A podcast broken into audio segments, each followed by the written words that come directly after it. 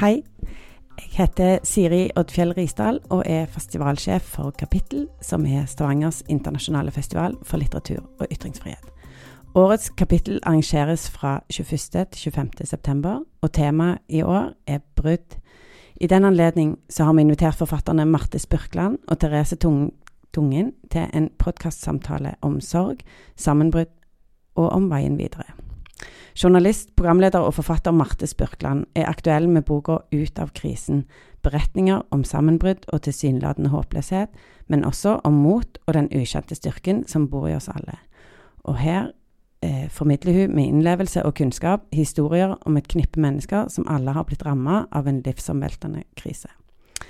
Forfatter og forlagsredaktør Therese Tungen er aktuell med den kritikerroste romanen Snu deg, Edvins bok der hun skriver om sin egen erfaring med å miste et barn. En hjerteskjærende og veldig sterke skildring av den kaotiske og ufiltrerte sorgen som oppstår når det verst tenkelige skjer. De vil samtale med idéhistoriker, journalist og forfatter Hilde Østby, som sjøl er aktuell med fagboka 'Kart over ensomheten'. Og denne podkasten er blitt til i samarbeid mellom Kapittel og Schizofrenidagene, og ble spilt inn i studio til Deichmanske bibliotek i juni 2022. Kjære Marte Spurkland og Therese Tungvin.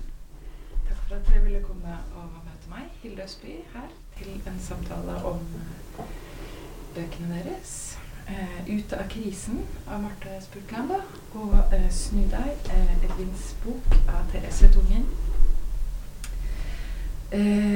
vi skal snakke om eh, å skrive. Og sorg og krise. Og eh, først så vil jeg gjerne bare høre med deg, Therese. Hva, hva, gjorde at du måtte skrive 'Snu deg'? For jeg opplever at det er veldig sterkt behov for å skrive denne boka. Ja, den boka den ble skrevet i året etter at Edvin, sønnen min på seks år, døde. Som er snart to år siden nå. I august i 2020. Um, han døde Han var nesten sju år, Edvin. Og jeg må bare si litt om hvordan det skjedde, for at folk skal ja. forstå hvorfor jeg måtte skrive boka òg. At eh, Edvin han var en halvt frisk gutt. Han var på sommerferie på setra til foreldrene mine sammen med søstera si. Og jeg hadde vært der hele sommeren sammen med dem, men på slutten så reiste jeg til Oslo for å hjelpe til med å pusse opp leiligheta. Eller gjøre ferdig oppussing. Og så drev jeg totaloppussa leiligheten vår for å få to barnerom. Um, og et par dager før jeg skulle hente dem, så fikk hun en telefon fra pappaen min om at Edvin ble dårlig mens han spiste kveldsmat. Og, og, så sa pappa at det er nok alvorlig, sa han. Um, så jeg tenkte Det var eneste jeg klarte å tenke, var at kanskje Edvin har fått diabetes. For det er mye av familien. Og jeg har vært litt redd for det, så jeg leser meg opp på symptomer. Jeg vet at det kan få organsvikt, og det kan være ganske alvorlig fort. da. Jeg klarer ikke å tenke noe lenger enn det, men uh, han var på tur til Rikshospitalet i helikopter. Og oss reiste dit. Eh, og så måtte vi vente, for de skulle ta CT av og vi fikk ikke se ham. Men mest vi fikk høre liksom, eh, at han kan ikke reddes. Så vi visste at vi hadde en syk unge, men ikke hva det var. Og så var han død. I neste øyeblikk, nesten. Så det var 20. august for to år siden. Og det, det som skjer altså Edvin døde, det ødela jo Der og da så hadde jo følelsen at det her ødelegger livet vårt. Mm. Men samtidig så hadde jeg en følelse av at vi må leve videre. For jeg husker mamma sa på sykehuset at 'Hvordan skal jeg klare dere etter det her?' sa ja. Og da tenkte jeg du kan ikke si det der. Altså, Vi må jo klare oss. Ja, for det er ikke noe valg. Så hadde ikke noe valg. Og så hadde jeg ei jente på ni år da, som hun skulle klare oss for. Um, så det var, like, det var liksom så dobbelt. Eh, jeg skjønte jo ikke Når, jeg, når en unge er død, så skjønner en jo ikke at den er død. Det tar jo mange måneder å skjønne. Jeg tror kanskje på en måte at det aldri går an helt å skjønne det. Uh, så sorgen var jo ikke så sterk i starten. Det var jo mer et sjokk. Og så ble sorgen dypere og dypere. Uh, og det ble verre og verre, og det ble vanskelig å leve iblant. Men den første innskytelsen var jo Vi må jo klare det her. Så har ikke noe valg. Mm. Så det er like dobbelt, et dobbelt liksom løp, da. Alt ødelagt. Dette skal vi klare. Og ganske fort etter at Edvin døde, så begynte jeg å skrive ned Jeg skrev notat, jeg skrev e-post til meg sjøl, eller jeg skrev bare notat i ei notatbok. Og jeg begynte å skrive på Mac-en min i dagboksform, da. Om, eh, da skrev jeg rett og slett hva er det som skjer med oss, hvordan føler meg, hvordan har vi det i dag. Um, og så begynte jeg etter et par måneder å skrive på noe jeg skjønte etter hvert kom til å bli et manus. da. Jeg hadde jo møte med redaktøren ganske fort. Hvordan skjønte du det, da? Nei, si det, du. Uh, jeg tenkte vel Jeg tenker jo ikke på meg sjøl som en forfatter, men en person som skriver, liksom. Og ja, En ting var behovet for å dokumentere hva som skjer oss. Um, fordi det var så ekstremt og vanskelig å forstå og se seg sjøl fra utsida. Så jeg tror jeg tenkte at gjennom å skrive så kanskje jeg forstår litt mer. Så du fikk et litt sånn utenfor, utenfor det fikk jeg ganske fort, altså. Ja. Eh, det tror jeg har gjemt over hele tida. Ja, ja. Du jobber jo med tekst hele tiden. Ja, og at jeg liksom Jeg var jo totalt inne i situasjonen, men samtidig så tenkte jeg det her er jo interessant. Er det slik det, liksom? Ja. Um, så det var for å dokumentere det som skjedde, og for å huske det senere. For jeg visste at det her kommer til å forsvinne veldig mye av det. For det vet jo at hukommelsen er jo på det viset. Mm. Og så tenkte jeg at det her er noe som har en verdi, da. Faktisk. At jeg tenkte, ikke kynisk akkurat, men at jeg tenkte at hvis jeg kan skrive i det som er så rått og fælt og vanskelig og rart som det jeg er i nå, så vil det ha en verdi i seg sjøl. Ikke skrive en bok om fem eller ti år som er klok, ja. og har den der etter, ja, etterklokskapen, eller at en ser ting i bakspeilet. Men skrive det mens det skjer. Det tror jeg skjønte at det, det var en verdi i det. Mm. Så jeg skrev jo den boka det første året, så var jeg veldig bevisst på Jeg visste ikke hvordan den kom til å bli, eller hva strukturen skal ha. Jeg visste jo ikke fortsettelsen noen gang. Men jeg tenkte etter en tid at jeg må avslutte den før det har gått et år. Fordi jeg ville ikke ha like, lukka sirkel, og, og, så går det bedre nå. Ja. sånn. Jeg ville heller ikke jeg ville heller ikke dra liksom, gjennom flere årsløp. Jeg ville avslutte før det første året var over, mm. mens det fortsatt var i, i det landskapet. Mm. Så det gjorde jeg, da. Og så prøvde jeg å stable og, og lage en struktur. Jeg jo, tenkte jo mye på det formelle, liksom. Hvordan Mm. skal det her være? I Forskjellige nivåer og forskjellige nåtidspunkter. Det ble skrevet om i preteritum fra nåtid Ja. var jo en prosess, liksom. Men hjalp det å tenke sånn strukturelt? uh, jeg måtte jo det, Mm. Uh, men det var, det var veldig vanskelig. Hvordan skal en lage en struktur og faktisk en fortelling ut fra noe jeg nekta å tenke på som en fortelling? Fordi at For Ja. meg så var jo ikke en historie. Det var virkelighet og nåtid. Um, og litt derfor så ble jo strukturen òg kaotisk. at det er ikke et løp fra A til Å, men at det er ting er kasta om på. da. Begravelsen kommer nesten mot slutten. og Mm. Um, det er et visst forløp, men det er òg en struktur som til en viss grad skal vise liksom at, at tida går i oppløsning. Mm. Og det gjør den når Mm. du opplever noe lek. Uh, tida er ikke lineær lenger. Den er alt er liksom kasta i hop i, i, i et slags krater, da, i det krateret som er Edvin sin død, egentlig. Der fins min barndom og Bård sin barndom og eh, Alt i livet vårt fins der, unntatt framtida. For den så oss ikke lenger. Nei. Nei. Mm. Mm. Eh, Marte, kjenner du igjen noen av disse refleksjonene? Du Ja. som har skrevet 'Pappas ruiner', Mm. som handler om da faren din dør. Ja. Um, det er mye som er gjenkjennelig, selv om de to situasjonene er jo helt, helt motsatt også, på et vis. Altså det å miste foreldrene sine er jo noe alle skal. Det er jo naturens gang, på en måte. Så det er jo et helt annen type tap. Um, selv om det var sjokkartet for meg at han skulle dø, og vi fikk jo egentlig den beskjeden da han fikk sin diagnose hjernekreft, um, grad fire, eh, glioblastom, som er, det er per def uhelbredelig. Det fins ikke noe som hjelper i noen stor grad. Man kan utsette prosessen litt, men man kan ikke kurere. Eh, og jeg kjenner veldig igjen det behovet for å skrive noe. Og for meg også så vokste det fram For jeg ville jo gjerne redde faren min. Det var jo noe av det selv om, selv om det lå i kortene at ikke det var mulig, så ville jeg gjerne prøve, da. Og det fins jo alltids noen som holder på med noen studier som er vitenskapelig gangbare, og som, som, man håper skal forandre hele behandlingssystemet. Så jeg ville gjerne altså, Mitt mål var å få ham inn i en den type studie, og mot alle odds redde ham. Så jeg begynte å skrive ned research på den type, den type ting. Og så ble det veldig raskt at jeg begynte å skrive mine egne følelser også. Og så hadde han et manus liggende til en bok som han veldig gjerne ville skrive selv. Det var det som var prosjektet hans. Han skulle skrive den store runeboka som brakte det første norske skriftspråket ut til folket, da. Eh, og de tre prosjektene vokste sammen til ett. Eh, så det er et metaprosjekt. Det er en bok som både hvor pappa og jeg sammen fullfører hans runeprosjekt, eh, men som også handler om min, mine fortvilte forsøk på å redde ham, da, og på en måte på å innse at, at det skjer ikke. Og det er jo en død som utspiller seg ikke sånn brått og uventet på den måten, men over et år. Det er mer sånn en naturkatastrofe i en kropp i sakte film som vi står og ser på.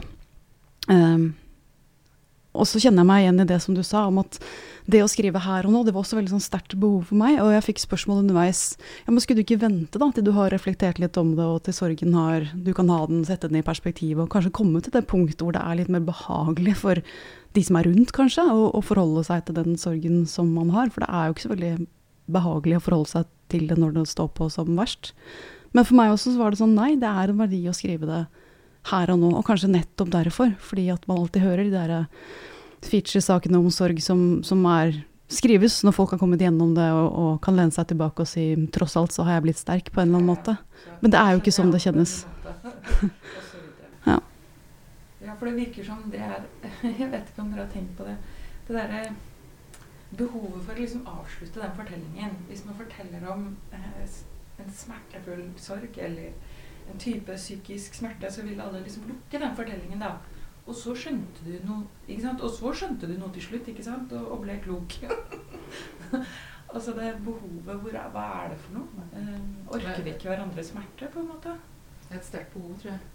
Og jeg tror at det er eh, Du kan finne det i mange forskjellige situasjoner i livet.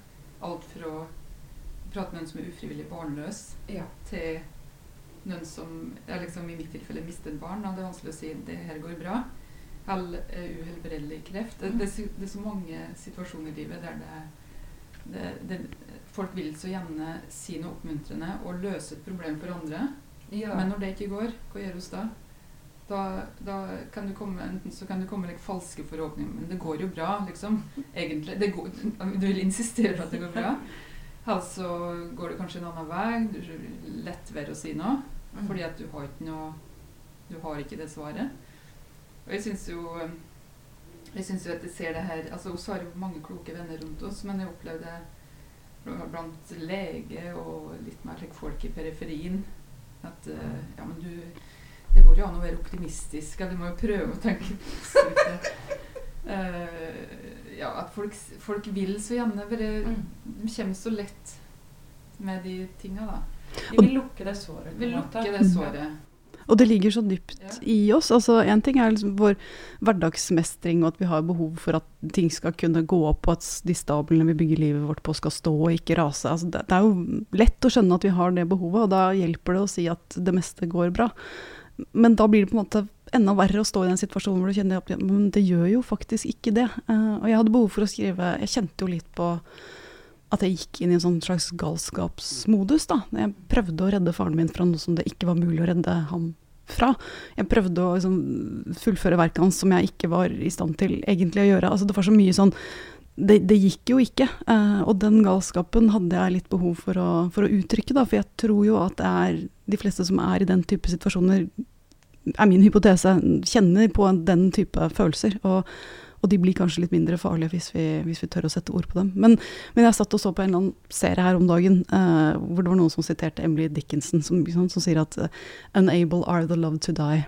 Uh, for love is immortality. Og sånne ting, Vi har jo trøstet oss med det i mange hundre år. ikke sant? Hvis du bare elsker noen nok, så blir de ikke borte. For at i kjærligheten din så lever de videre. Det er jo en eller annen versjon av den der, der i motbakke det går oppover, det også. Eh, men så får du veldig sterkt den følelsen at men dine kjære, de, de, er virkelig i stand til å dø. Eh, og det kommer de alle til å gjøre, og noen ganger så skjer det altfor tidlig og på helt feil måter, og, og, det må vi forholde oss til. Da. Ikke bare liksom prøve å pakke det inn i, til noe forståelig og sette en sløyfe på det, for det er jo ikke sånn det føles. Det er interessant det du sier, og det Eh, det var noe vi ikke var forberedt på når Redvin døde. Det at han var så borte.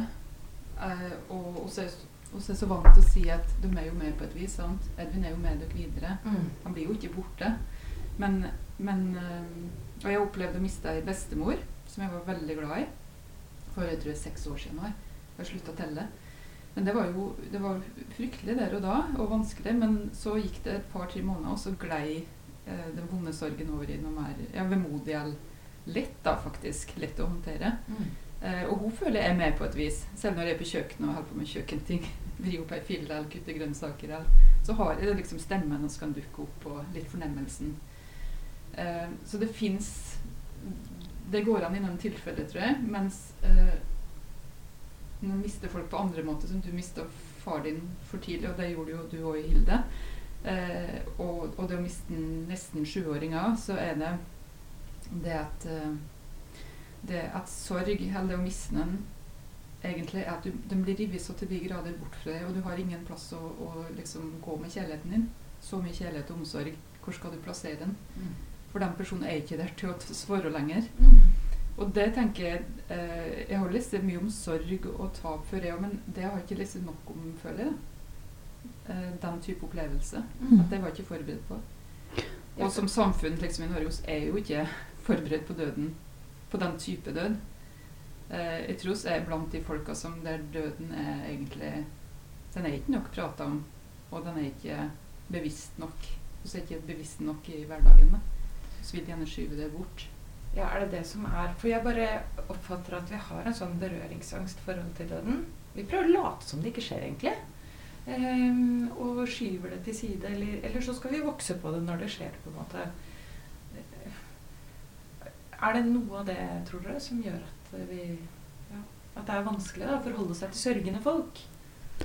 Jeg intervjuet jo noen sorgforskere da jeg jobbet med den boka som het Ut av krisen. Um, og de snakket litt om det at klisjeen på nordmannen er jo den personen som ikke verbaliserer så mye, den type følelser, men heller løper ut i skogen og feller et tre, eller hyler mot himmelen. At det er liksom andre måter å bearbeide de sterkeste følelsene på enn å snakke om dem. At vi kanskje på en eller annen måte fortsatt er preget av det.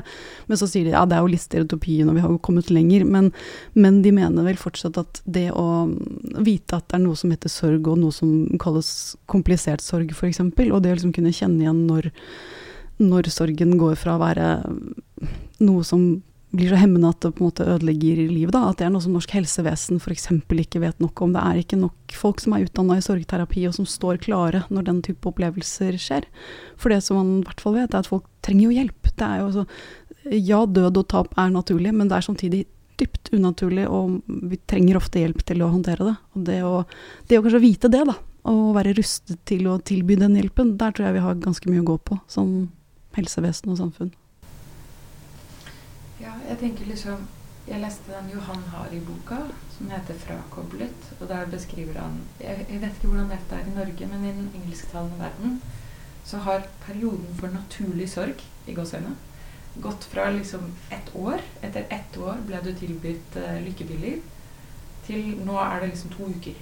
To uker. Ja, Etter to uker er det ikke naturlig å sørge sånn Det var knapt. Ja, Så da er det over på eh, lykkepille og ferdig med den. saken. Oi, det hørtes veldig kort ut. Ja, det var noe sånn to uker, en månedaktig. Og du tenker sånn Hæ? Men det går jo ikke. Det tar jo litt tid å skjønne at man mister den. Jeg lurer på den definisjonen på komplisert sorg, er at hvis du etter seks måneder At det ikke er noen utvikling i sorgen. Og det er ikke det at du skal være ferdig med den, eller noe sånt, men det er bare at den er, skal ta andre former. Da. Men hvis den ikke gjør det, hvis den er helt lik etter seks måneder, da nærmer du deg en sånn definisjon på det de kaller komplisert eller forlenget sorg. Ja. Jeg syns jo det er et komplisert begrep. Det er jo det. Jeg har ikke lest så mye om det, men jeg tenker at når den, det er lett å liksom vende meg opp med sjøl, men i mitt tilfelle når du mister et barn, så er sorgen så djup etter seks måneder. Ja. Og eh, du skal ha liksom ganske bra fagkunnskap til hvordan sorgen utvikler seg, eh, før du setter den type begrep på det, og kanskje sant, at eh, Jeg har jo opplevd lege som tar fram det begrepet litt for fort. Oh, ja. Og så sitter jeg der som mamma og tenker Ja, men hallo? Du vet jo ikke hvordan å miste barnet sitt. Miste barnet ditt, du, og sitte her. Ja, liksom. og at, at eh, det er så det er også naturlig at du går For Før så opererte de jo med fem sorgfaser, men det har vi jo gått litt bort fra. Ja. Som ender med aksept, liksom. Gå videre, aksept. og at en finner naturlig liten plass til den som har dødd, men ikke for stor. Det er viktig. uh, mens uh, ved den type på en måte unaturlige dødsfall, eller brå dødsfall òg, traumatiske dødsfall, så, så vil det jo ta månedsvis før en egentlig kan klare å kjenne ordentlig på Mm. og skjønne hva en har mista. Og det gjelder jo når eh, ved sjølmord og, Ja. og eh, ja, i det hele tatt.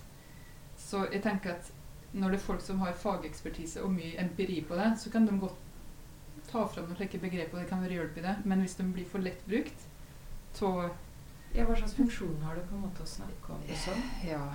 Og så er det jo et eller annet med Det kan òg være en måte å liksom prøve å tvinge folk til å gå videre mens de kanskje faktisk ikke er klar for det, og skal få tid til å bare at, eh, at andre identifiserer og klarer å gjenkjenne at ja, nå er du her, liksom. La oss prate om det, da, hvordan du har det. Og ikke hvordan du burde ha det, hvor du burde ha vært i prosessen. Ja, eller dette er en ekstra problematisk sorg. Nå har du, nå har du kompleks sorg. Nå har du gått over tida. Ja, ja, nå har du gått over tida. Da henter vi frem virkemidlene. Og så vet man jo også, Det er også en sånn sannhet i sånn sorgforskning at ingen, det finnes jo ikke noen sånn fasit på hvordan det skal være. Det er nettopp derfor de har gått bort fra de fem fasene òg. For det, man sørger jo virkelig ikke på samme måte. For det, sorgen er jo din, og den er jo en dypt personlig og som du sa, ensom, ensom opplevelse også. Uh, så det å liksom sette noen veldig tydelige rammer på hvordan den skal være, er jo selvfølgelig kjempe, kjempevanskelig. Men i kriseboka så møter jeg jo to mødre som har mistet barna sine i terrorangrep. Uh, moren til Maren som dro på fjelltur i Marokko og ble halshugget av islamister, og, og Ellen Ile Hansen som mistet uh, datteren sin i terrorangrepet som stesønnen hennes gjennomførte. Eh, og de to Altså, Ellen Ile Hansen er jo um, intensivsykepleier av yrke, så hun hadde den profesjonelle tilnærmingen til sin sorg, faktisk. For hun hadde jo jobbet med familier som sto i fare for å miste barn, og som gjorde det i mange, mange år. Og så er det jo selvfølgelig noe helt annet å være fagperson og stå ved siden av, og være i den situasjonen selv. Og det syns jeg hun satte veldig fint ord på, da. Men hun tilnærmet seg også sin egen sorg veldig metodisk, og gikk på kurs og lærte om sorg, og for henne så ble det en sånn dette her som hun kalte det, kjøre som en togfører gjennom sorgens landskap, ble en sånn rettesnor for henne, da. Uh, hvor du på en måte Du er jo selvfølgelig på sorgens spor, for det er jo det som er virkeligheten. Men så sa hun til seg selv at hun måtte gå over på sidespor og liksom gi seg selv små pauser innimellom før hun kunne dra tilbake på sorgens spor. Det ble en sånn mestringsstrategi for henne. Mens Irene Uland, som jo ikke hadde en type fag, faglig tilnærming til sin egen sorg, var var veldig annerledes. Eh, og jeg tror man Det er nettopp derfor det er helt umulig sikkert å definere hvordan en sorg skal være òg. Fordi at eh, hun kjente jo med på sånn Kommer jeg til å dø av dette? Altså, kan, kan man dø av sorg? Kan man bli gal av sorg? Hun, ja, hun opplevde det kanskje mye sånn mer råere, da. Eller ja, mindre, mindre teoretisk. Men jeg tror ikke det der med to det er ikke sikkert det er så teoretisk heller. Eh, for meg var jo den hjelp ganske tidlig til Edvin. Eh, og da leser jeg den boka som heter 'Hva skal vi med stjerner nå?' Som er skrevet av Espen Olafsen, fotballtrener som mista både kona si og dattera si i tsunamien i 2004. Og derav, Han skriver den i hop med en prest som heter per Arne Dahl, og de må operere med ikke togspor, men livs, hva heter det, livsrom og sørgrom. Eller, det, det er liksom forskjellige versjoner av det der. Ja. Det ga veldig mening for meg når psykologen min tok frem de begrepene. For at du føler at du liksom du, du, Det er bare sorg. Det er bare, alt er bare fælt. Men så eh, så jeg også liksom med meg sjøl at jeg var jo Jeg var jo begge plasser. Eller jeg gjorde mitt beste for å være begge plasser, og jeg ville det. ja. Og samboeren min hadde det litt på samme måten. Så jeg husker at jeg fant veldig litt kraft og mestring i det å oppleve at jeg sjøl klarte å være litt begge plassene, da, Mm. og veksle. Mm. Um, så det gir jo så mye mening, syns jeg. Et slags livsrom og et slags Ja, dødsrom. Hvis, jeg har ikke dødsrom akkurat, men hvis en er kun i sorgen, eh, så kan det jo Du kan jo stivne, liksom. Mm. Eh, mens hvis en er kun i livet, liksom Ja. den som bare prøver å jobbe seg bort fra det, så vil jo ikke smerta forsvinne uansett, men du utsetter den kanskje og lammer deg sjøl litt. Mm. Men så vil du kanskje få eh, kostnadene senere, da. Mm. Det er jo litt den dobbeltheten egentlig som du startet med å snakke om. Den der, eh, det, dette er uutholdelig, men vi må samtidig Ja. gå videre. Ja, det er jo det. Eh, hun Ellen Ile Hansen, jeg spurte henne, for jeg drev og intervjuet henne i løpet av pandemien, så spurte jeg henne på et tidspunkt er det er det bedre for deg nå, når verden på en måte er stengt ned og alle sitter og er sånn redde og ensomme og kanskje kjenner litt på sin psykiske sårbarhet? Er det, er det lettere å ha sorg da? Og så ser du på og sier hun nei. Med så stor sorg som min, så er det faktisk veldig nyttig at det er lyst rundt meg. Og det syns jeg også var veldig fint sagt, som viser den dobbeltheten at ja, det er ille, uh, men du trenger de der ja, livsrommene eller avsporingene eller noen, At noen er glade rundt deg, kan faktisk også hjelpe, da. Jeg tenker, jeg syns jo det var, det var fint å lese om hun Irene, syns jeg. Fordi at hun er litt om type. Uh, hun har dyr rundt seg, hun har de to hundene. Og hun kjøpte sitt småbruk som hun pussa opp uh, etter at dattera døde. Uh, og hun er jo veldig i sorgen og liksom gir det spillerom, men samtidig så er hun, hun er det på en kraftfull måte. da. Uh, hun tar med seg hunden sin og bakser gjennom snogen og klatrer mange meter opp i et tre for å finne Saga.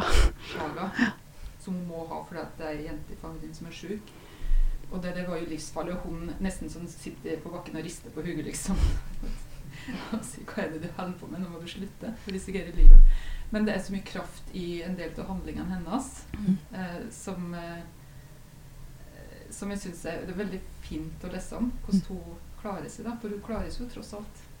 Ja, og det syns jeg du berører veldig fint også når du skriver om det, der, eh, det med at man må finne en eller annen mening, og det, at det er et oppdrag. Og det syns jeg Irene er et veldig godt eksempel på det. da, At uh, det er jo helt meningsløst når barnet ditt blir drept av terrorister. Altså, ja, det, det, er ikke så lett å finne noe mening i det. Men, men at det er likevel er et behov som ligger i oss, da, og at det, det, er en vei å gå. Og hun har jo opprettet en stiftelse hvor hun tar mål av seg til å forebygge at den type handlinger skal skje med andre. Så hun vil jo stoppe terrorisme i verden. Ja. Som er, et, det er jo et helt sånn utrolig stort og hårete mål. Tanken på at en, en dame med to lenbergere på et småbruk i Telemark skal få til det, er jo på en måte sånn hva? Eh, men skal ikke se bort fra at hun kommer et godt stykke på veien, altså, for hun er en utrolig, som du sier, kraftfull dame og har vært god til å skape mening. Mm. Ja, det var liksom det det var det jeg oppdaget når jeg skrev den boka 'Kreativitet'. Den er jo skrevet fordi venninna mi døde av kreft. Um, det der behovet for å lage mening ble så sterkt at det var bare helt uutholdelig for meg. Og så ble det jo ikke noe mening som sådan, men det var jo det å prøve å stable verden på nytt, på en måte. Og så tenkte jeg på en annen ting, og det er fordi faren min nettopp døde. Eh, så var det så tydelig for meg hvor forskjellig sorg kan være. Så det er jo ikke bare at det er forskjellig fra person til person, men hvert tap er forskjellig, som du sier med bestemoren din. Jeg tenker at det, det, liksom, det høres jo helt kaldt ut, da, men det var lettere å miste faren min. Det bare var annerledes, men kanskje lettere. Men nå har det jo nettopp skjedd, så jeg er antakeligvis nummen. Mm. Men den kraften dere snakker om, har jo dere også, for dere har jo slåss frem disse bøkene. Og på mange måter så har dere skrevet disse personene så levende for meg at jeg føler jeg kjenner de litt, da. De er veldig tydelige for meg. Hvorfor er det så viktig å gjøre dem så levende for andre? Jeg tror for uh, min del så lå det litt i det som var faren min sitt prosjekt. Altså Han forsket jo på runer, og det man brukte runer til, var jo ofte å lage minnesteiner. Man reiste disse bautasteinene og, minnet sine døde, da. Uh, noen ganger på litt mer sånn klinisk 'dette er arveoppgjøret'-måter. Andre gang veldig poetisk og høystemt og personlig. Um, så det å skrive en bok sammen med ham, om ham, ble jo for meg en Det var jo som å reise min egen lille runestein. Um, så det var jo meningen med det, at jeg ville holde ham fast på en eller annen måte. Uh, og jeg opplevde veldig det Han var jo syk i et år, ja, og jeg leverte vel manuset mitt et halvt år etter at han døde. Og jeg opplevde veldig det når jeg satt og fullførte det manuset. Jeg hadde jo stemmen hans veldig tydelig i øret. At han Nei, det må ikke være sånn, det må være der. Og så kunne han liksom erte meg litt og le litt. Og hadde jeg den veldig den tilstedeværelsen da, så lenge jeg holdt på med det manuset. Uh, og så etterpå kan jeg tenke sånn Ja ja, den boka er kommet ut, og det prøvde jeg, men han er jo like fullt borte. Så begge deler er fortsatt sant, da. Uh, og nå tydeligere mens du holdt på med manuset. Og hvordan var det å avslutte manusarbeidet? Ja, det var veldig trist. Det var, eh, ja, det var akkurat som det var en For folk snakker jo om det der det, at begravelsen er et sånn sluttpunkt. Uh, frem til det så er alt sånn Det er en travel tid, og det er mye du skal ordne, og det er liksom men, men etter det, den stillheten som kommer etterpå, blir veldig vanskelig. Men da hadde jo jeg manuset mitt å gå til. Så for meg ble ikke den stillheten så øredøvende, da. Uh, men det, den ble ganske øredøvende etter at jeg hadde levert manuset. Hva tenker du om det? Kjenner du deg igjen? Nei, jeg gjør jo ikke det. Men jeg, jeg var litt forberedt på at det kunne skje. eh, For jeg har lest om andre forfattere som har mista ungene og skrevet om det. Blant annet hun danske Eh, Ait. Eit, Naja Marie Eit, som mista sønnen sin på en brå og brutal måte. Eh, Så skriver hun en bok om det. Hun begynner ikke å skrive før det har gått ni måneder, for det klarer hun ikke. Men så skriver hun boka. Og så forteller hun i et intervju som ligger på YouTube, at uh, etter at hun leverer fra sin manuset, så får hun ekstra sorg. Da blir hun deprimert i et halvår, Mm. egentlig. Uh, og det samme sier John Didion Mm. uh, i et TV-program på NRK. Om, hun skrev bok om mannen sin, og så om dattera si. Men den der sorgen når du avslutter manusarbeidet Og Jeg hadde jo ikke det, for jeg var mest letta. fordi at jeg skrev jo mens jeg var i et eh, i, ja, i et kaos, og sorgen var så, øredøvende mens jeg skrev at jeg klarte jo nesten ikke å skrive fram Edvin i livet. Det var veldig, veldig smertefullt. Så det var ikke like at jeg kosa meg så mye med å skrive fram gode minner om Edvin. Fordi at det er jo en slik type sorg som gjør at òg de gode minnene blir eh, så berørt av det som er vondt, til de blir litt ødelagt, egentlig. Så det verste jeg skrev om, var jo den siste sommeren vår. Det var ikke om hvordan jeg hadde det der og da. Eh, så brukte jo det året på å skrive manuset, og når jeg var ferdig, så var jeg vel egentlig litt, litt letta Ja. over at jeg kunne legge det bort. For da følte jeg at det var kanskje kunne bli litt lettere for meg å gå litt videre, og ikke være bare så inni det så mye av tida, da. Jeg hadde jo noe, jeg hadde jo noe øyeblikk altså Det var fint å være i manuset iblant, men det var også vondt. Det var veksling, det òg. Mm. Men jeg husker jeg hadde En sommerdag var vel var vel i fjor, det sikkert, da. At eh, Idun og Bård var ute i bakgården. Jeg fikk låne naboleiligheta og satt der og skrev på manus, for da var jeg midt i det. Og da tok, gikk jeg ut og tok en pause, og så tenkte jeg nå må jeg inn igjen Edvin. For han er liksom inne i Mac-en min. sant? Så da hadde jo den opplevelsen som kanskje du beskriver nå, da. At uh, jobbing med manus er over med den personen. Men det var nok litt noe annet for meg, for at Mm. Ja, være med den jeg bare tenker at det er dobbelt til det med å At det er dobbelt til det med å bearbeide og snakke om ting. For det, det gjør vondt hver eneste gang man er borti det. Men man må jo også snakke om det fordi Ja, hvorfor må vi det egentlig? Når en prater om det, så kan det jo være det kan jo være vondt, men det kan jo også være lindrende hvis en blir møtt på riktig måte. Mm. En prater om det med folk som enten har opplevd noe lignende, selv som bare skjønner det godt, eller som bare er gode lyttere, eller Mm. som har noe å komme med. Mm. Uh, jeg har i hvert fall opplevd at det, det, det er noe av det som har gjort meg mest. Mm. er å prate med folk som både har latt seg berøre Ja. og, og er gode samtalepartnere. Yeah. Det er jeg helt enig i. Den, den bekreftelsen som ligger i at det som du har skrevet om prosessen At det er noe gjenkjennelig der ute, da. For det er jo ikke det er ikke det at jeg vil at alle skal skjønne hvem faren min var, nødvendigvis. Men det at noen andre der ute gjenkjenner opplevelsen, det gir jo et slags sånn fellesskap. ikke sant? Tilbake til den C.S. Lewis-sayingen om at du leser for å vite at ikke du er alene. Det er jo kanskje litt derfor vi skriver også. Eh, det er en eller annen en eller annen tynn tråd av menneskelig fellesskap. Selv om mye er veldig forskjellig, så kanskje den ene lille tråden fins likevel. Da. Og når du får en slags bekreftelse på det, det er fint. Ja. Ja. Mm. Noen av de beste samtalene jeg har hatt, er jo med ei venninne av meg som mista pappaen av ALS. Og som er generelt klok, og som jeg skriver litt i boka mi òg. Eh, hun har ikke opplevd å miste et barn, men hun har opplevd andre ting. Og jeg er ikke redd for å gå inn i sorgen, da, og hva det landskapet er, liksom. Mm. Kan jeg, sitere, kan jeg komme med et sitat? Ja, Fordi at jeg har tilfeldigvis skrevet det ned her. ja, så bra. Um, og det sitatet er fra Katrine Sele, som skrev boka 'Einars bok', som handler om en fireåring som, fikk, som var født med en sykdom som ligner litt på ALS, eh, og som døde da etter noen år. Eh, så hun skriver om den familien og hvordan de har takla og håndtert det. da, Hvilket liv de har levd med hen. Eh, og det her sitatet handler om rett og slett hvordan blir mottatt når en er i sorg.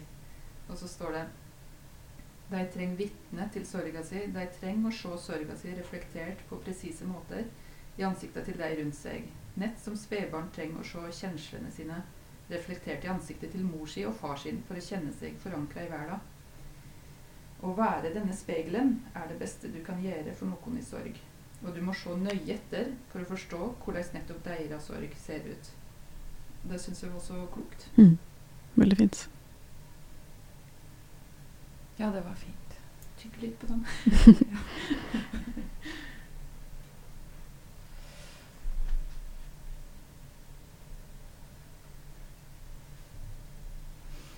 Ja. Jeg føler jeg burde hatt et veldig godt spørsmål nå. Mm. Men jeg syns det er veldig berørende å snakke med dere. Og vanskelig å ha de kjappe spørsmålene. Kan jeg si en apropos til det? Ja. Og så får du heller bare ta det bort hvis det blir litt sånn brått, for nå var vi på et sånn veldig fint sted. Men det du sier får meg også litt til å tenke på at av og til da, når man er i sånne prosesser, så møter man jo folk som kanskje ikke så mye er det speilet, men som, som heller kommer til deg med en slags sånn fasit om hvordan du burde være. Som sikkert velmente, velmente og fine råd. Eh, men det syns jeg var veldig veldig vanskelig å takle. Eh, I det året jeg på en måte ventet på at faren min skulle dø, da, og sto i den sorgen, så kunne det komme um, noen til meg og si sånn Ja, men du burde lese dette. Hvis du leser denne teksten, så vil ting liksom falle på plass og gi mening, eller du burde gjøre sånn. Og da kjente jeg at jeg ble så Selvfølgelig irrasjonelt rasende, på en måte. For Ja. den derre Nei, men det er jo ikke sikkert at det er sånn for meg. Uh, og det å liksom få noens instruks da, til hvordan mine følelser i den den mest kompliserte situasjonen jeg hadde vært i noen gang, var, det, ja, det var rett og slett vanskelig å håndtere. Da kom ikke den beste siden av meg selv frem i møte med dem tilbake. rett og slett. En annen ting som, er, som jeg tenker er en forskjell altså, eh, Når vi mista sønnen vår, så var jo folk tålmodige med oss. De fleste skjønner at det her vil ta tid. Eh, en- del skjønner at det kanskje ikke går over. Mens eh, det er mange som mister foreldrene sine. Men det å miste foreldrene er jo så brutalt uansett om foreldrene er liksom 70, halv 50, halv 30. Og mitt inntrykk er at uh, det er en sorg som ikke blir anerkjent på sånn måten. Eller at den blir anerkjent der og da, og så er det et forløp. Jeg tenker at Etter tre måneder eller etter seks måneder så burde virkelig Nå burde hun være på banen igjen og liksom hva, hva som skjer med henne nå? Skal hun isolere seg lenge? Men jeg vet ikke hvordan dere opplever det. Eh, er folk tålmodige? Spør dem liksom, prater om pappaen deres etter Det ikke så lenge siden du mista pappaen din, Hilde, men, eh, men med det så har det gått litt mer tid. Men hvordan prater folk om det? Prater om det i hele tatt etter en viss tid? Ja, nå er det jo, er det jo gått eh, Nå er det tre og et halvt år siden, så nå er det ikke så mange som prater om det lenger. Og det er på en måte greit, for det er jo, som du var inne på, vår oppgave å gå videre og uh, Men med, jeg har jo den sorgen med meg fortsatt, selvfølgelig. Og noen ganger kan den være som en sånn det der fine nærværet som man håper på. Andre ganger kan det slå meg fortsatt i bakken hardt og brutalt. Og um, ja, den der følelsen av at det er jo ikke sånn det skulle ha vært. Um, det er mulig det er mindre, mindre forståelse for det når det er en forelder, ja. Men, uh, men jeg, jeg på en måte tror jeg har liksom innstilt meg på at sånn må det være. Min, min sorg er kanskje ikke så forståelig for, for de der ute. Uh, og så vet jeg at den er der fortsatt. Og sånn kommer det sikkert til å være. Man blir jo ikke kvitt den type tap. Uh, det kommer til å være der, det. Akkurat som Edvin kommer jo alltid til å være der for dere. Uh, det handler jo bare om å bære det. Eller bare. Det handler om å finne en måte å bære det på. Ja, det er det, ikke sant. At det blir jo aldri borte. Jeg tenker jo det. At eh, det derre At man skal liksom legge det bak seg, det virker jo helt absurd. Det er jo en person som har betydd så mye, som skal være Ja, så er det noe med det, det synes jeg også Du satte veldig fint ord på det der med at før For min del, da, før faren min ble syk, så tror ikke at jeg, døden var på en måte ikke et tema i mitt liv. Jeg var liksom ca. 40-41 da, og livet handlet om alt annet enn død, egentlig. Og så kom døden inn i livet, og så ble alt annerledes. Og det, det er det fortsatt, selv om den døden nå det er gått tre og et halvt år, og den, den ligger jo et stykke bak oss, og det er blitt helt annerledes. Men den bevisstheten om at døden er en faktor, da, den, den er hos meg på en helt annen måte enn det var før. Og det tror jeg virkelig har gjort meg til en annen person. da. Ja. At alle plutselig kan forsvinne. Mhm. Ja, det er jo vanskelig å skjønne før den plutselig står ved siden av sjøl. Mm. Ja, hvor skjørt det er. Eller hvor skjør kroppen er. Og jeg skjønte, jeg skjønte jo ikke det når jeg mista bestemoren min den gangen. Altså, jeg skjønte jo litt, men da var jeg midt i småbarnslivet. Ja. Edvin var ett år, eller ja, veldig liten. da. Og så følte jeg lenge at jeg holdt på å miste pappaen min fordi han hadde nyresvikt. ja. Uh, så, og nyrekapasitet Han sa, prata ikke om det sjøl. Når jeg ringte ham, så sa han bare at det går bra. Var på jobb til hun var seks i dag. Har solgt tre biler. Han er bilselger. Men uh, ut, liksom, mamma fortalte jo hvordan det egentlig sto til, og den nyrekapasiteten gikk ned fra liksom 15% som er Da er det terminal nyresvikt under det. Og så var det 12% så 10% og så gikk det ned til 5% Det er ingenting. Men han gikk fortsatt på jobb, da. Men ehm, så fant de Så oss lurte veldig på hvordan det skulle gå, for det sto jo ikke i organdonorkø. Ehm, og så eh, fikk vi høre det at om mamma kunne bli donor, selv om hun ikke var i slekt med ham, så hadde hun matchende vevtype osv. Så, videre. så da var jo liksom å se fram til operasjonsdatoen, da, og håpe at han klarte seg til det. Men eh, da var jeg midt i livet, og Eh, og det å liksom eh, En pappa som jeg var så glad i, å, å skjønne at han kunne forsvinne. For jeg tenkte jo ofte på det, at nå kan det skje noe, når som helst.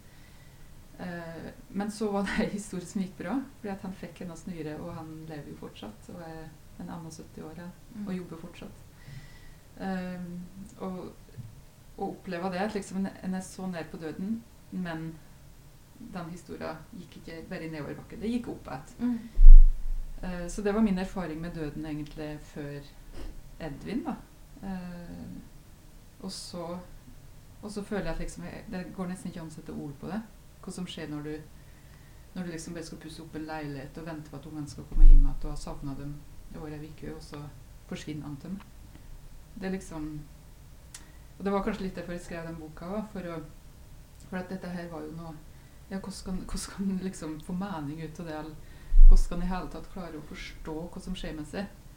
Um, jeg tror det er like ille å miste unge som har vært syke over en tid, men jeg tror at det gir litt mer tid til å forberede seg til en viss grad, eller i hvert fall. Du får sagt ha det, da. Eller du får vært med på, på mer til forløpet. Mens eh, Edvin så det når han var liksom sprang rundt og ikke hadde tid til å si ha det med nesten, og så Ja. neste øyeblikk så ligger han på sjukehussenga og er hjernedød. Og det Nei, det var jo litt derfor jeg skrev den boka, for å prøve å vise fram hva er det her for noe. Mm. Jeg ville gjort det som om jeg hadde i et jordskjelv, eller om, jeg, om det Ja. liksom sant, Om det landa et romskip rett ved sida av meg. En like, veldig rar opplevelse som jeg syns at flere måtte få kjennskap til. ikke sant? Mm. Noe som er hårreisende og merkelig, og som jeg ikke har lest noe om før. Så det er en veldig rar sammenligning. Men hvis dere skjønner hva jeg mener. ja, ja. Um, Jeg tenkte på det da jeg leste boka di, for at Ja, eh, av en eller annen grunn, når, sånn som da faren min var syk, så vi jeg, jeg i hvert fall tenkte jo sånn Ville det vært bedre om dette hadde gått veldig fort? Så, så vi hadde sluppet å se dette veldig lange forløpet, fordi jeg syntes det var så vondt å se på hvordan han ble brutt ned, da. Dag, fra dag til dag, fra uke til uke. Eh, den derre sakte naturkatastrofen. Og det var så vondt for ham å oppleve også. Eh, og det er jo kanskje en skrudd versjon av det der gresset er grønnere på den andre siden. Du skulle nesten nesten ønske at han bare ble datt en skrent på fjellet med støvlene på i det nordvestlandslandskapet som han likte og hadde sluppet å lide. Det er veldig romantisk og sikkert altfor enkelt og veldig teit sagt, men så tenkte jeg på da jeg leste boka di, at da faren min døde av den sykdommen en slags trøst har jo vært at da slapp han i hvert fall fri fra den sykdommen da, som han hadde vært fanget i det siste året, og det forløpet som var så grusomt. Eh, det er jo faktisk en slags trøst. Um, og det må være en stor forskjell fra det som dere har vært gjennom. Ja, jeg tror det er en, det er en forskjell. At, eh, og, at eh, sorgen og sorgforløpet på en måte godt kan være forskjellig om det er et sjokk eller ikke et sjokk. da. Og jeg tenker jo for den som dør at det er bedre å dø der og da. Mm. Eh, på mange måter. Men folk er jo så forskjellige, så det går ikke an å generalisere. Men, Mm. men for dem som er rundt, så så kan, kan det være verre med den blå døden, fordi at eh, det er et sjokk for hjernen og halesystemet som også skal bearbeides. Eh, har levert i hvert fall at forskning sier at, at brå og brutal død gir liksom mer langvarig og komplisert sorg. da. Mm. Uh, nå den statistikken er verdt. Men, eh, men jeg tenker for Edvin sin del at eh, jeg er glad for hans del at han levde et eh, kjempebra liv i nesten sju år. Og siste han gjorde den siste dagen, var jo at han lærte å slå hjul, Mm. liksom. Um, men for min del så Og for vår del skulle jeg gjerne liksom bare hatt litt mer Litt mer kontakt og litt mer til han. Uh, og så er det lett å tenke eller Jeg vet jeg har pratet om det her før, og da har jeg at, at Edvin levde et kort og godt liv, og så døde han. Men så har jeg merka etterpå at jeg blir så sjølkritisk, for det er jo ikke nok. I hvert fall noen som mister ungene sine, så er det en trøst at du kan si at men et ungt liv er jo et fullverdig liv. Et komplett liv, er det noen som sier.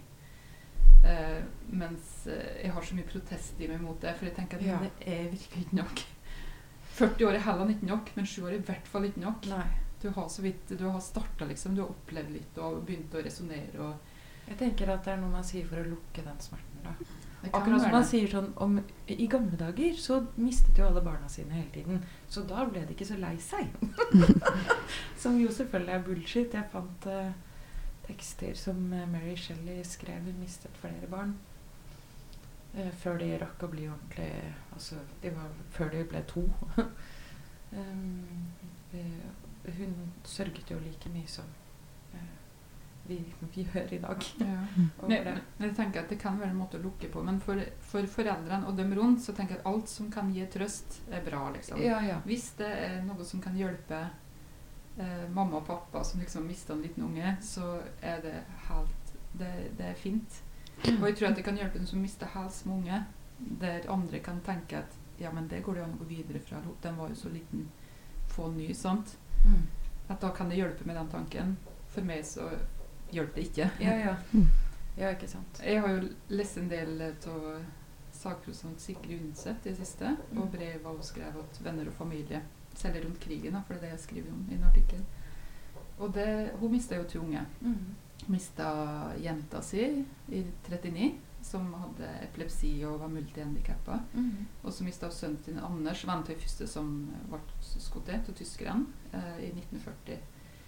Eh, så jeg var så nysgjerrig på hva skriver hun om sorgen, og hvordan sørger hun over ungene sine. Eh, og det er jo ei anna tid. Det hvor blir to eller tre generasjoner, tre generasjoner siden.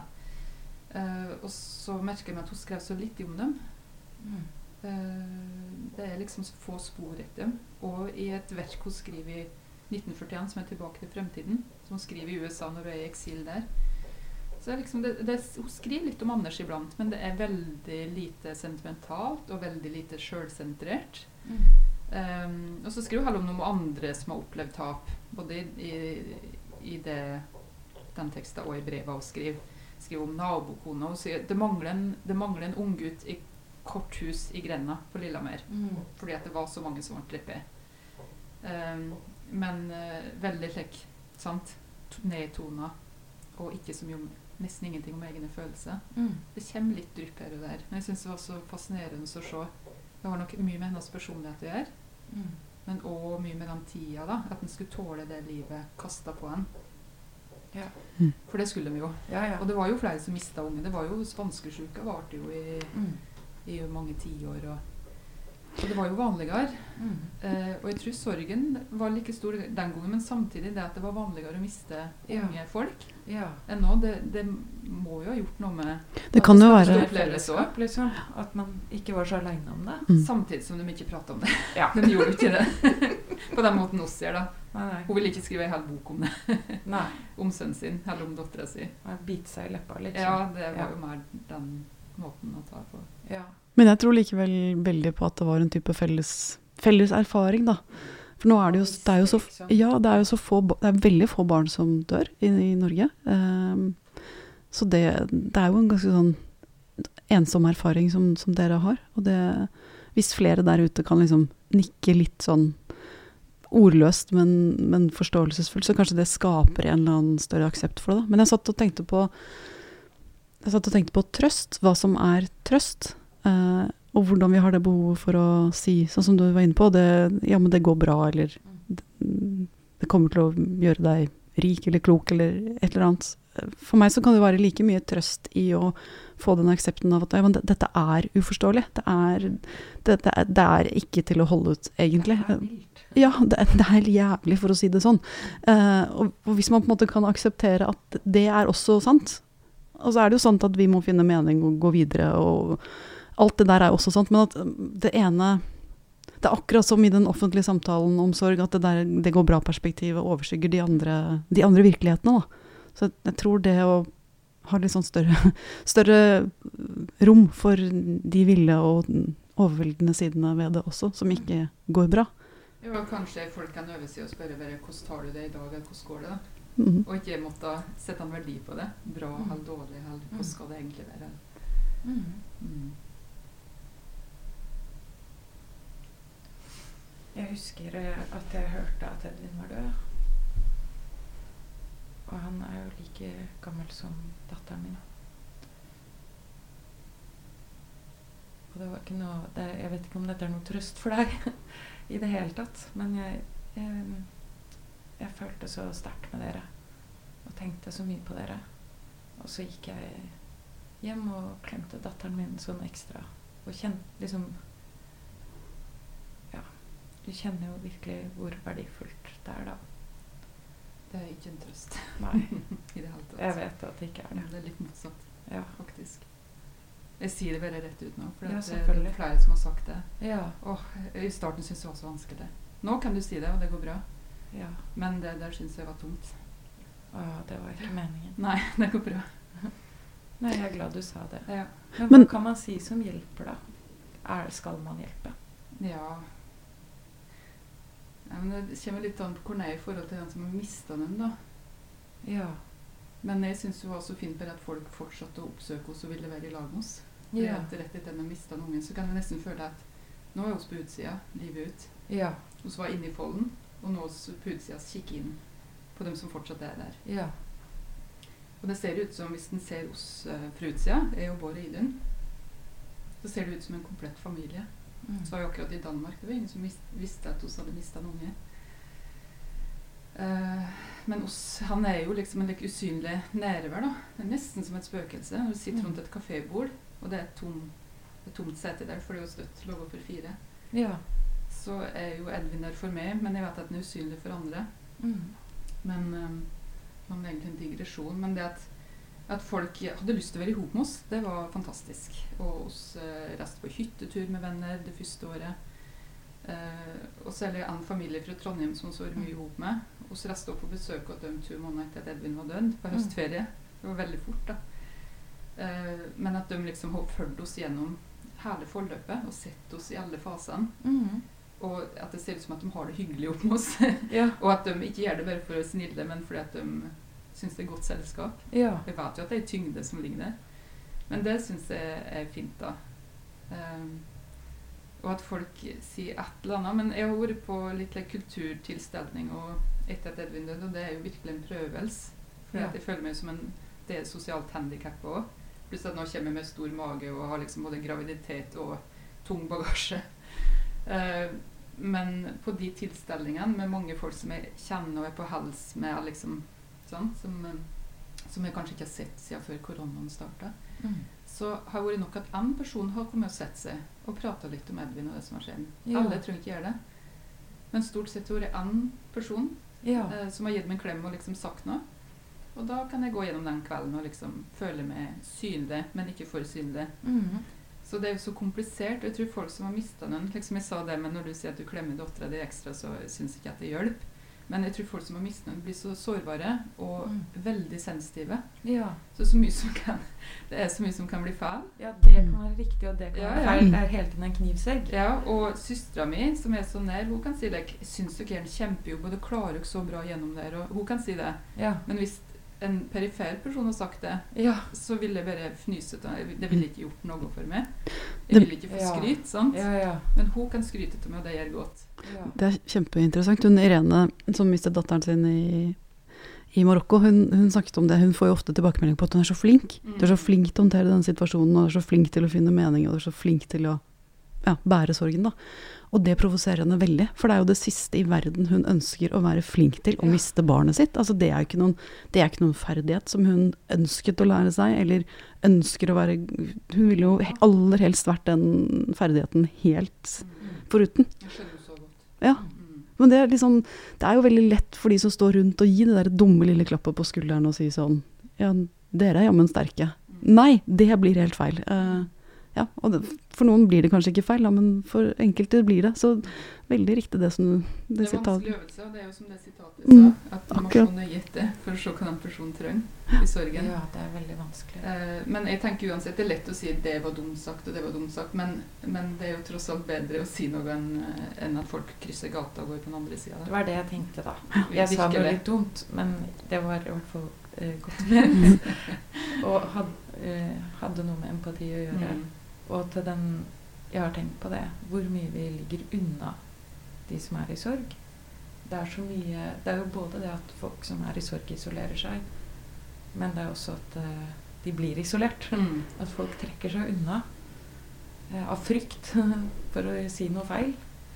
Men uh, nå kan dere høre folk. Det går an å si noe litt feil, og det går bra. For det viktige er jo Det viktige er jo at man ja, strekker ut armene, da. Ja, og så er det faser av sorgen. Jeg tror om, eh, om to eller tre år så kunne det vært bra og riktig, ikke sant? Ja. På en annen plass. Ja. Og da er ikke det Edvin er ikke så tett på at han skulle liksom vært her i dag, at jeg kan gripe etter den kanskje.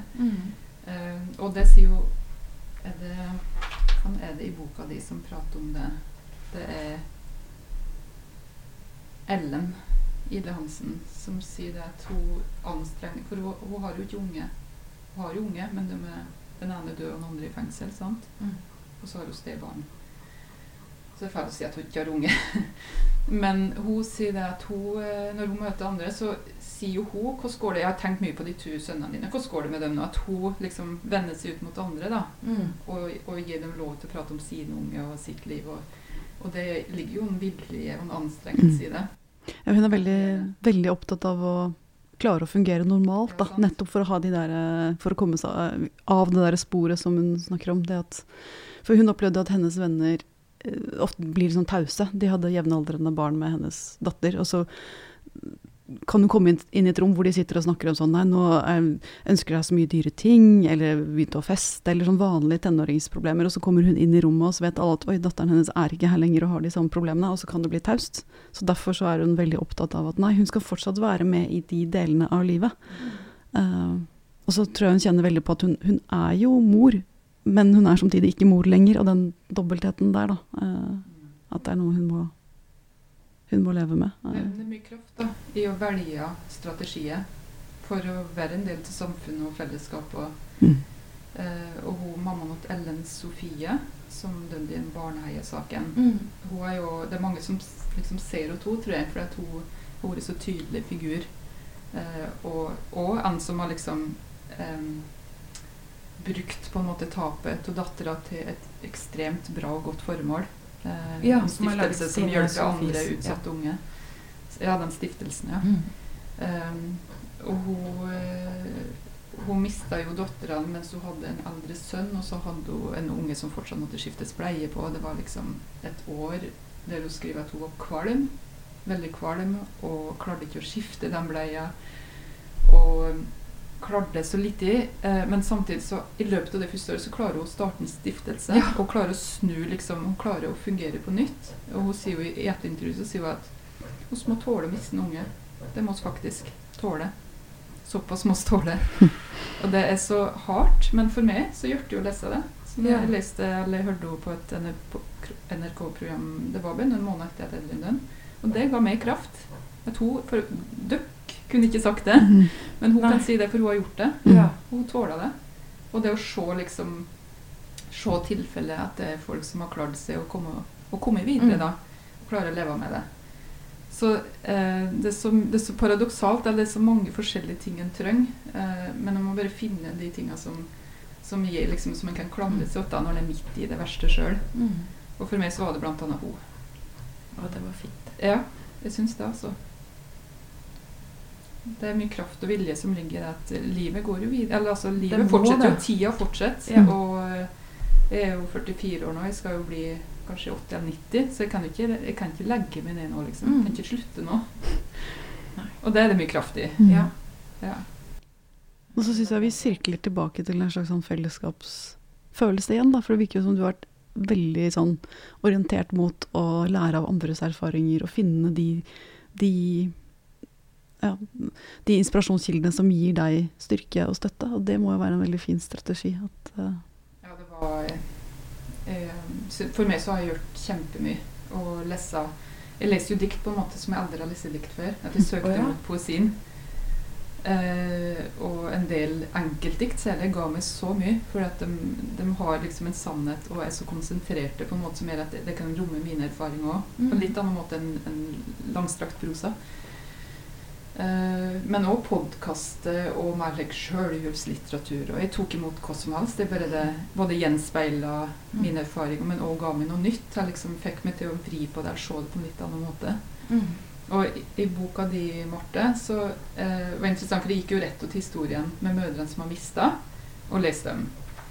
Og så leser jeg òg eh, et kapittel i boka ut av krisen som handler om Thor som eh, Han får vel hjernepropp, han, men hjerneslag. Mm. Flere av dem. Eh, og får noe som heter locked-in syndrome. At han rett og slett blir paralysert. Og i starten så vet de ikke om en om en liksom har bevissthet i det hele tatt. Og så klarer han å begynne å blunke med øynene for å signalisere ja og nei. Eh, og det å liksom samliv mellom han og kjæresten hans Og de hadde to tvillinger på ett år. Og eh, historien sin forteller dem lang tid etterpå, om det er 20 år etterpå. Det her ligger langt bak i tid.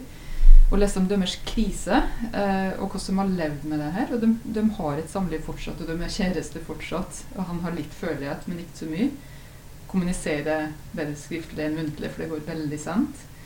Men å lese hvordan de mestrer livet, det ga meg òg veldig mye. Det er helt annen erfaring enn jeg sjøl har. Men jeg merka at det var litt like, det føltes litt lindrende å lese den historien. Fordi at eh, det gjør at jeg ser min, mitt eget liv og det tapet til Edvin med en viss avstand. Jeg ser at andre står i krise. Det er så lett å tenke at det jeg opplever verst. Ingen har opplevd noe verre enn meg. Men så ser jo det Jeg vet jo det at det er ikke sant. Ja, det var jo en historie som jeg hadde Det er jo den åttende historien av eh, av disse krisefortellingene som, som jeg tar i den boka der. Den, den hentet jeg jo inn. For nesten litt sånn Der er jeg jo klisjeen for at dette, jeg ville ha en historie hvor krisen lå langt tilbake, og det hadde gått bra. Altså Jeg søkte på en måte den der pene innpakningen med sløyfe på, som vi har snakket om at kanskje ikke er så riktig å søke alltid, da. Men den ville, den, det var den jeg var ute etter med den historien. Og den, den fastheten som både Thor og Roma, da, kona hans, hadde på at nei, men de skal ikke miste kjærligheten. Og det kan man jo tenke er lett å gjøre når den personen du er gift med, og har vært fysisk og, og mentalt nær, eh, blir lammet og på en måte ute av stand til å, å vise nærhet. Da, både uttrykkende verbalt og fysisk. Altså, hvordan, hvordan opprettholde kjærligheten da? Men det bestemte de seg for at det skulle de gjøre, og de er et sånt par som fortsatt danser, som også høres rart ut, ikke sant. Um, så, men, men ja, jeg er enig. Det er veldig, veldig inspirerende å møte den type personer som, som kan Som er eksempel på det, det som vi håper på, da. At at det tross alt på en eller annen måte skal gå bra.